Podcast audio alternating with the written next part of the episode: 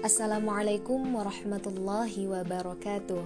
Halo semua, saya Niswatun Nazia Welcome back to depan layar podcast saya. Apa kabar? Semoga yang lagi dengar podcast ini dalam keadaan sehat. Mempunyai impian besar dan mempunyai cita-cita tertinggi dan memilih menjadi pemalas adalah cara yang paling indah untuk menjadi gila. Ya, mana ada orang pemalas bisa mewujudkan impiannya. Kalau dia memikirkan impiannya dan tidak melakukan apa-apa, lama-lama dia bisa jadi gila. Mending jadi orang bodoh tapi rajin daripada jadi orang pintar tapi pemalas. Orang bodoh tapi rajin, setidaknya dia bisa hidup karena dia rajin. Tapi orang pintar kalau jadi pemalas jadinya nggak jadi apa-apa.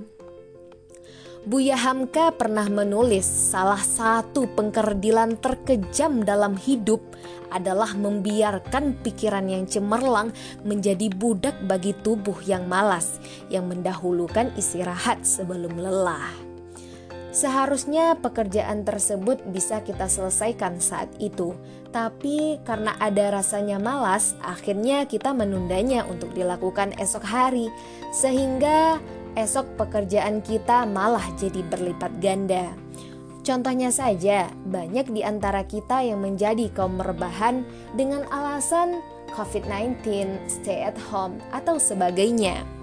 Well, sadarkah kita bahwa ternyata kebanyakan dari kita masih menjadi stupid user untuk smartphone kita sendiri? Sadarkah kita bahwa ada banyak hal yang bisa kita lakukan dengan mudah di era digitalisasi ini dengan segala digital tools yang kita punya?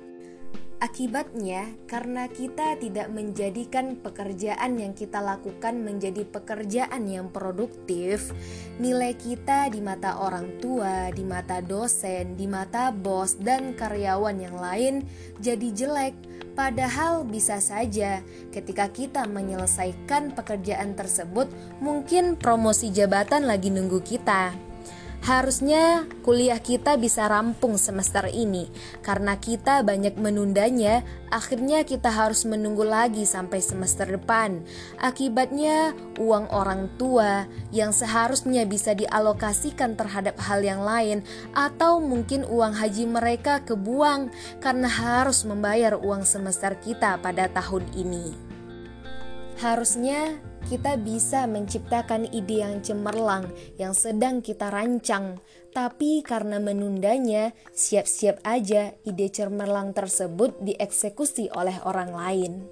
Menunda bukan cuma bisa membuang uang dan kesempatan, tapi yang lebih parahnya adalah dengan menunda pekerjaan berarti kamu menunda kesuksesan refreshing dengan teman-teman, ngopi, nongkrong di kafe sih boleh-boleh aja selama pekerjaan kita sudah kita selesaikan.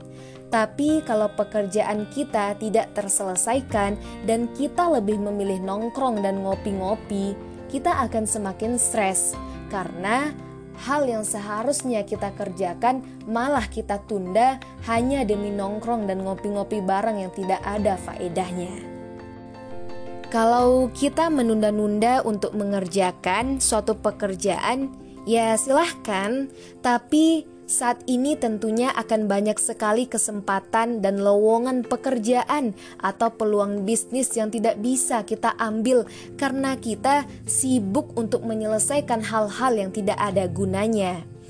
Kalau kita anggap itu penting, kita akan menemukan banyak cara untuk melakukannya. Tapi, kalau kita menganggap itu tidak penting, kita akan menemukan banyak alasan untuk mengerjakannya. Disiplin adalah pembeda, mana orang yang cuma ngomong besar dan mana orang yang bekerja besar dunia pekerjaan sekarang sangat kejam. Perusahaan begitu kompetitif dan mereka sangat membutuhkan orang-orang yang punya profesionalisme yang tinggi agar mereka bisa tumbuh dan berkembang menjadi perusahaan yang cemerlang. Sedangkan kita, orang yang suka menunda-nunda pekerjaan akan tertinggal daripada orang-orang yang terus melangkah walaupun mereka melangkah secara perlahan. Masalah besar terjadi akibat dari masalah kecil yang tidak terselesaikan.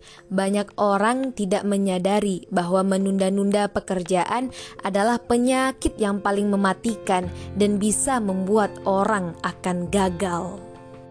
Jangan menunggu mood datang, tapi ciptakanlah mood untuk mengerjakan apa yang bisa kita kerjakan. Jangan malas, karena kita tidak akan menjadi orang yang berguna.